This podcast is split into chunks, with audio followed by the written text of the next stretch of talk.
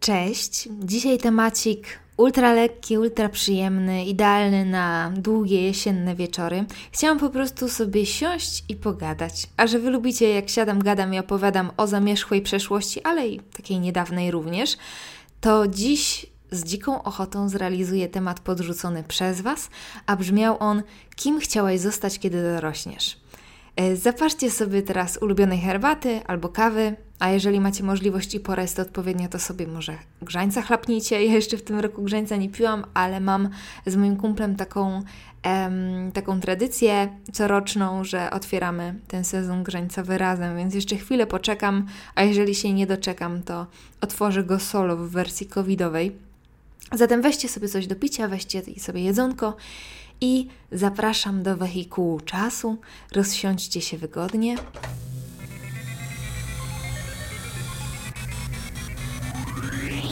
Mamy teraz rok 1993. Pewnie dużej części z Was jeszcze nie ma na świecie. Polska pomału zaczyna przyzwyczajać się do wolności. Chmielewska ma lat 3. E, Za rok urodzi się jej młodszy brat, czego ona jeszcze nie wie. I w tamtym czasie zbyt oryginalna nie byłam. Chciałam zostać księżniczką lub wróżką, w zależności od dnia. E, I takimi moimi głównymi atrybutami była wycięta z papieru korona, falbaniaste sukienki, które moja, które moja babcia i mama kupowały na targu u tak zwanych ruskich. Nie wiem, jaka była prawdziwa narodowość sprzedawców, ale się mówiło, że się idzie do ruskich kupić sukienki, bo tam zawsze był największy wybór. Oczywiście były z super parszywego materiału i wyglądały mm, bardzo kiczowato, no ale ja za tymi sukienkami na tamte czasy wprost przepadałam. Jeżeli akurat miałam fazę na wróżkę, to do zestawu dochodziła jeszcze peleryna. Nawet pamiętam tę pelerynkę, była z, e, z takiej fioletowej, dużej, prześwitującej chusty z wplecionymi, mieniącymi się metalicznymi nitkami. Absolutny magic. I Jedynym mankamentem mojego outfitu był brak długich włosów. Mm, Całe dzieciństwo miałam krótkie włosy, takie wiecie, obcięte na grzybka, bo mm, mój puszek bardzo trudno się rozczesywał i, i robiłam potworne sceny podczas mycia włosów na przykład. O jakimkolwiek czesaniu nie wspomnę, więc moja mama trochę sobie te sprawy akurat ułatwiała. Yy, No i ja z braku laku wiązałam sobie, znaczy ja sobie wiązałam, mama y, mi wiązała y, takiego kucyczka, taką palemkę na czubku głowy i pełniła ona dwie funkcje. No przede wszystkim dodawała mi dziewczęcego uroku i podtrzymywała koronę, żeby ta nie zsuwała mi się podczas zabawy z głowy. Ale kiedy chciałam mieć naprawdę długie włosy, mm, bo tego wymagała na przykład odgrywana przeze mnie wówczas postać, to zakładałam na głowę zakładałam na głowę rajstopy. Tak wiecie, że z jednej i z drugiej strony zwisała mi ta część na nogi. Mam nadzieję, że nie tylko ja tak robiłam. Ale wiecie, w takich długich włosach, w takich warkoczach można było robić dużo rzeczy, jakoś nonszalancko je zarzucać, spuszczać je z okna dla księcia i tak dalej, i tak. A właśnie, kwestia księcia. Ja, takowego, ja takowego nie miałam. Mm, Czasem w tej roli dyżurnie występował tata, y, ale raczej nie ingerowałam w małżeństwo moich rodziców, więc zwykle byli królem i królową, a ja ich piękną córką, która wciąż na tego księcia oczekiwała. Ostatnio miałam w ogóle na Instagramie taką rozkminę na temat księżniczek, że trochę nam to księżniczkowanie i te wzorce piękna krzywdę zrobiły w dzieciństwie. e, Z czego zdajemy sobie sprawę w zasadzie dopiero teraz, bo w bajkach prawie zawsze, jak ktoś był piękny, to był dobry, nie? A jak ktoś był brzydki, to był zły. Oczywiście zaraz dostałam odpowiedzi, no a dzwonnik z Notre Dame, a bestia z pięknej Bessie. No jak któraś z Was utożsamiała się z dzwonnikiem, no to okej, e, ale jednak to był koleś. E, Faceci zawsze mieli jakieś większe pole do popisu, mieli możliwość wyglądać w różny sposób i ten charakter nie był tak silnie powiązany z tym, jak wyglądali. A naszym zadaniem było po prostu ładnie wyglądać. Em, jasne, trochę uogólniam, jasne to się zmienia i jasne to nie jest temat na dziś, ale, ale jednak ja byłam dziewczynką wychowaną na księżniczkach i lalkach Barbie, z którymi, jak się później okazało, niewiele miałam wspólnego. Em, kiedyś o tym poopowiadam nieco więcej, e, bo i Wy podesłaliście mi kilka takich fajnych, ciekawych obserwacji i sama trochę wskoczyłam w różnego rodzaju lektury, więc myślę, że jeszcze w tym miesiącu, a jeżeli nie w tym miesiącu, to w kolejnym taki materiał o, o wypalonych w naszych głowach wzorcach piękna się pojawi. Ale y, tak, to, to nie miał być dzisiejszy odcinek. Y, proszę wsiąść powoli i ostrożnie do naszej y, maszyny czasu, proszę uważać na głowy i przeniesiemy się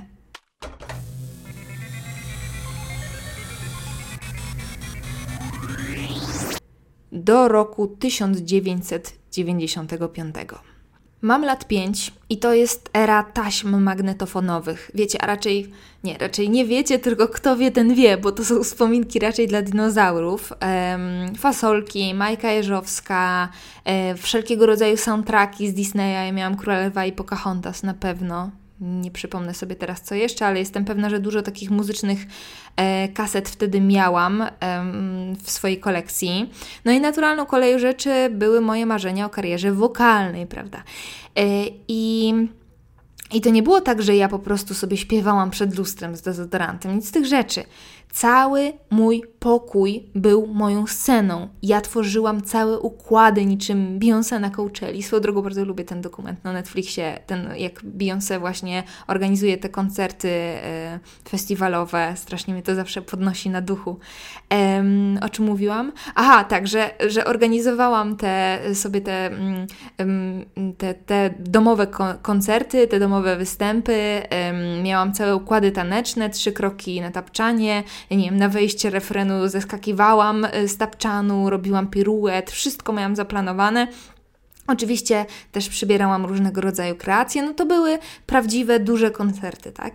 E, no i tu pojawiło się też moje wielkie marzenie o występie od przedszkola do o którym już gdzieś tam opowiadałam, e, oczywiście niespełnione. W międzyczasie zaczęłam chodzić też na kółko plastyczne i w zasadzie od niechcenia zdobywałam kolejne nagrody, ale zawód artysty plastyka jeszcze bardzo, bardzo, bardzo długo e, wydawał mi się niewystarczająco spektakularny. Rok później postanowiłam zostać weterynarzem albo botanikiem. Osoba, która zajmuje się roślinkami, to jest botanik, w sensie nie ogrodnik albo nikt taki, kto, kto po prostu sobie roślinki sadzi, tylko taki naukowiec od roślin, to jest botanik, prawda? Te dwa plany na przyszłość e, mieszały się ze sobą w zależności od dnia i samopoczucia, ale takim moim głównym celem, takim nadrzędnym celem życiowym było niesienie pomocy. I w przypadku zwierząt ratowałam je z różnym skutkiem, tu nawet, jak sobie tak wspominam, e, nawet mi jeży się czasem włos na głowie, bo niektóre działania z ratowaniem czegokolwiek niewiele miały wspólnego. No ale miejmy na uwadze, że miałam lat 6. Zatem e, dokarmiałam pisklaki, pająki, e, woziłam e, w siatkach zdechłe koty, e, hodowałam ślimaki, e, reanimowałam myszy polne itd., tak itd. Tak Niezaprzeczalnie miałam zacięcie w tym fachu. Oczywiście pełniłam również kompleksowe usługi, łącznie z pochówkiem, bo cóż, no, większość moich pacjentów już na wstępie była kompletnie martwa. Mm, pogrzeb był odprawiany z pełną czcią. W miejscu pochówku układałam świeżo zerwane kwiaty, e, przystrajałam e, nagrobek kamyczkami. Jezu, jak sobie o tym teraz myślę, to dochodzę do wniosku, że byłam dziwnym dzieckiem. Z drugiej strony wydaje mi się, że e, ta dziwność nie jest Bóg wie czym, e, po prostu dzieci są dziwne i przerażające momentami. E, zapytacie, co z tymi roślinkami? No, to sprawa wyglądała podobnie. Mordowałam roślinki, przesadzając je na przykład e, z trawnika do słoika, e, zasuszałam listki, sadziłam roślinki z nasionek w kubeczkach po jogurcie itd., itd., itd. Ze zwierząt i roślin niedaleka droga w zasadzie do dinozaurów. Akurat na ten czas przypadała nasza przeprowadzka do domu jednorodzinnego. Dla ciekawskich wczesne lata spędziłam w bloku. E, więc jak tylko miałam skrawek podwórka, no to zaczęłam wczytywać się w informacje o dinozaurach. E, myślę, że prawie każde dziecko po dziś dzień, przynajmniej tak wynika z opowieści moich dzieciatych koleżanek, ma większą lub mniejszą fazę na dinozaury właśnie. Miałam ją i ja. E, no i zapragnęłam zostać archeologiem. Moje prace wykopaliskowe polegały na tym, że całe dnie przesiadywałam na trawniku, y, oczyszczając y, pędzelkami wapienne kamienie wystające z ziemi, później je odkopywałam, jeszcze dodatkowo jakoś tam obdrapywałam i traktowałam je jak kości dinozaurów, bo to były kości dinozaurów. Sprawa miała się nieco inaczej, kiedy moim łupem padały kamyczki okrągłe mm, i wówczas, kiedy były odpowiednio małe, to umieszczałam je w słoiku wypełnionym watą, bo tak właśnie należy postępować z jajami dinozaurów, jakby ktoś nie wiedział. E, mm, I, I nic się nie wykluło, co prawda, ale te domniemane przyszłe mm, dinozaury nosiłam ze sobą wszędzie. Mm, wystarczyło po prostu zrobić dla nich odpowiednie miejsce w, nie wiem, w kieszonce albo w plecaku. Oczywiście wyściełanym watą, bo bez waty nie ma co rozmawiać o byciu archeologiem. Jak tak Wam o tym wszystkim opowiadam, to dochodzę do wniosku, że moje pokolenie było dosyć ciekawe. Znaczy, każde pokolenie tak o sobie mówi, ale to pokolenie dzieciaków z lat 90. było tyle ciekawe, że dzieciństwo mieliśmy podzielone na pół, tak naprawdę.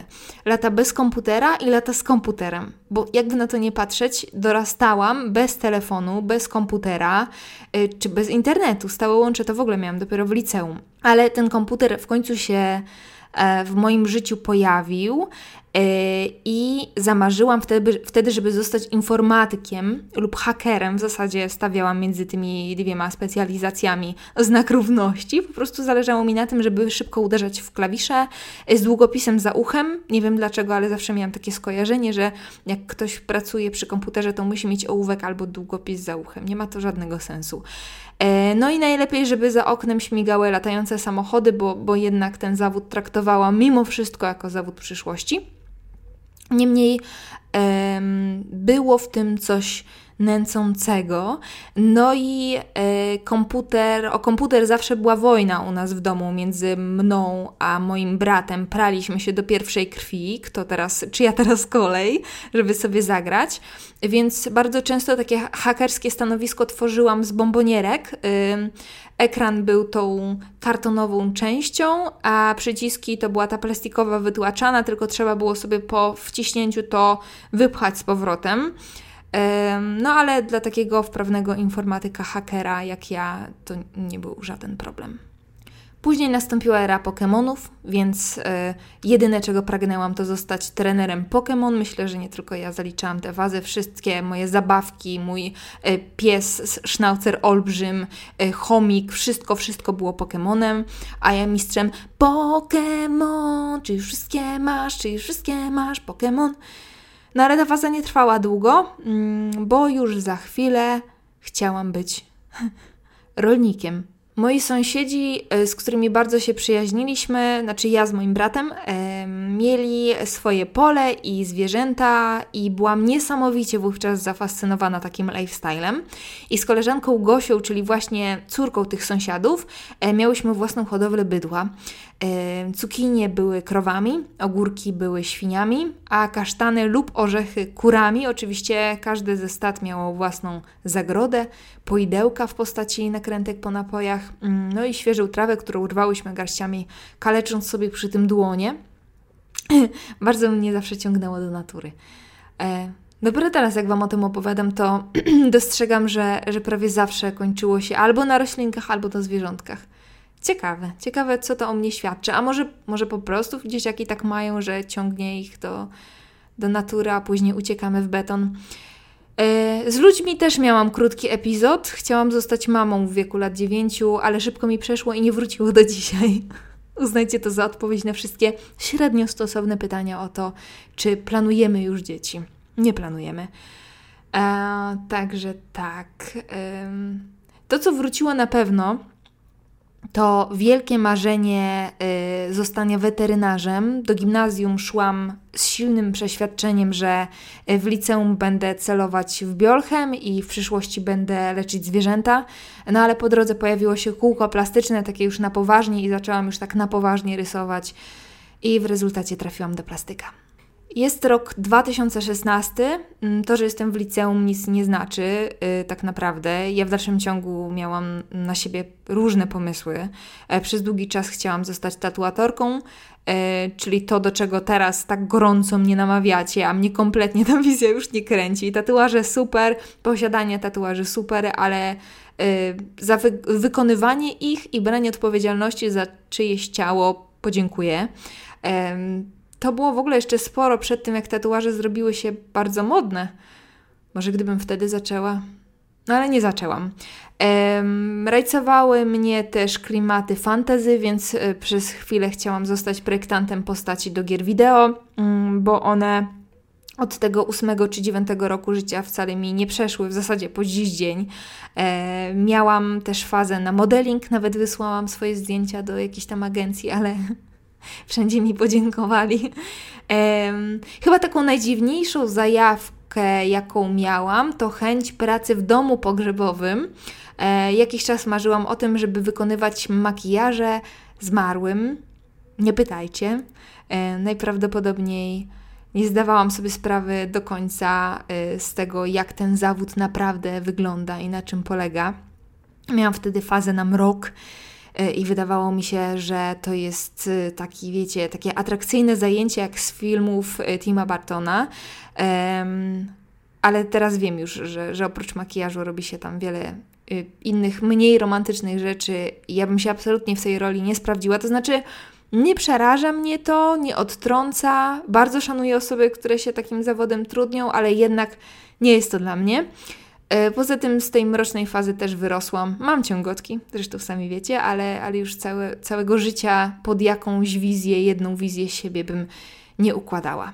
No i targana takimi różnymi około artystycznymi pomysłami e, dotarłam do klasy trzeciej, zaczęłam grywać w teatrze szkolnym, no i przepadłam totalnie. Mm, już nie chcę po raz kolejny opowiadać całej mojej przygody z egzaminami do szkoły aktorskiej, no ale jak się pewnie domyślacie, niewiele z tego wyszło. Później wróciłam do rysowania i wówczas niezależnie od studiów i, i wszystkiego innego, co w moim życiu się działo, określałam siebie jako rysownika. Teraz też tak o sobie myślę, ale wiem, że robię też dużo innych rzeczy, na przykład gadam tutaj teraz do Was i wiem, że wiele rzeczy będę jeszcze robić Wiecie, wydaje mi się, że nie warto się szufladkować. Znaczy, wiem, że większość tego naszego młodego życia zajmuje nam określenie samego siebie, określenie planu na przyszłość, tego, kim chcemy być, jak chcemy być określani. Trochę przez, przez to, że samo życie nam te szufladki podrzuca, trochę musimy pewne etapy pokończyć, yy, wybrać je przede wszystkim. Jakieś utarte ścieżki są nam yy, roztaczane przed, przez naszych rodziców, przez naszych nauczycieli, ale wydaje mi się, że w tym wszystkim trzeba dać sobie jakąś chociaż minimalną dziecięcą swobodę.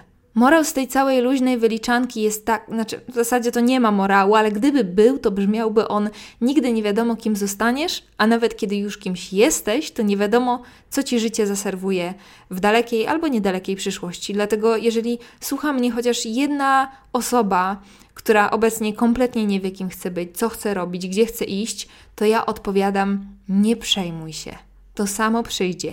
I nie masz gwarancji, że nie odejdzie, po czym przyjdzie nowe, bo takie właśnie jest życie.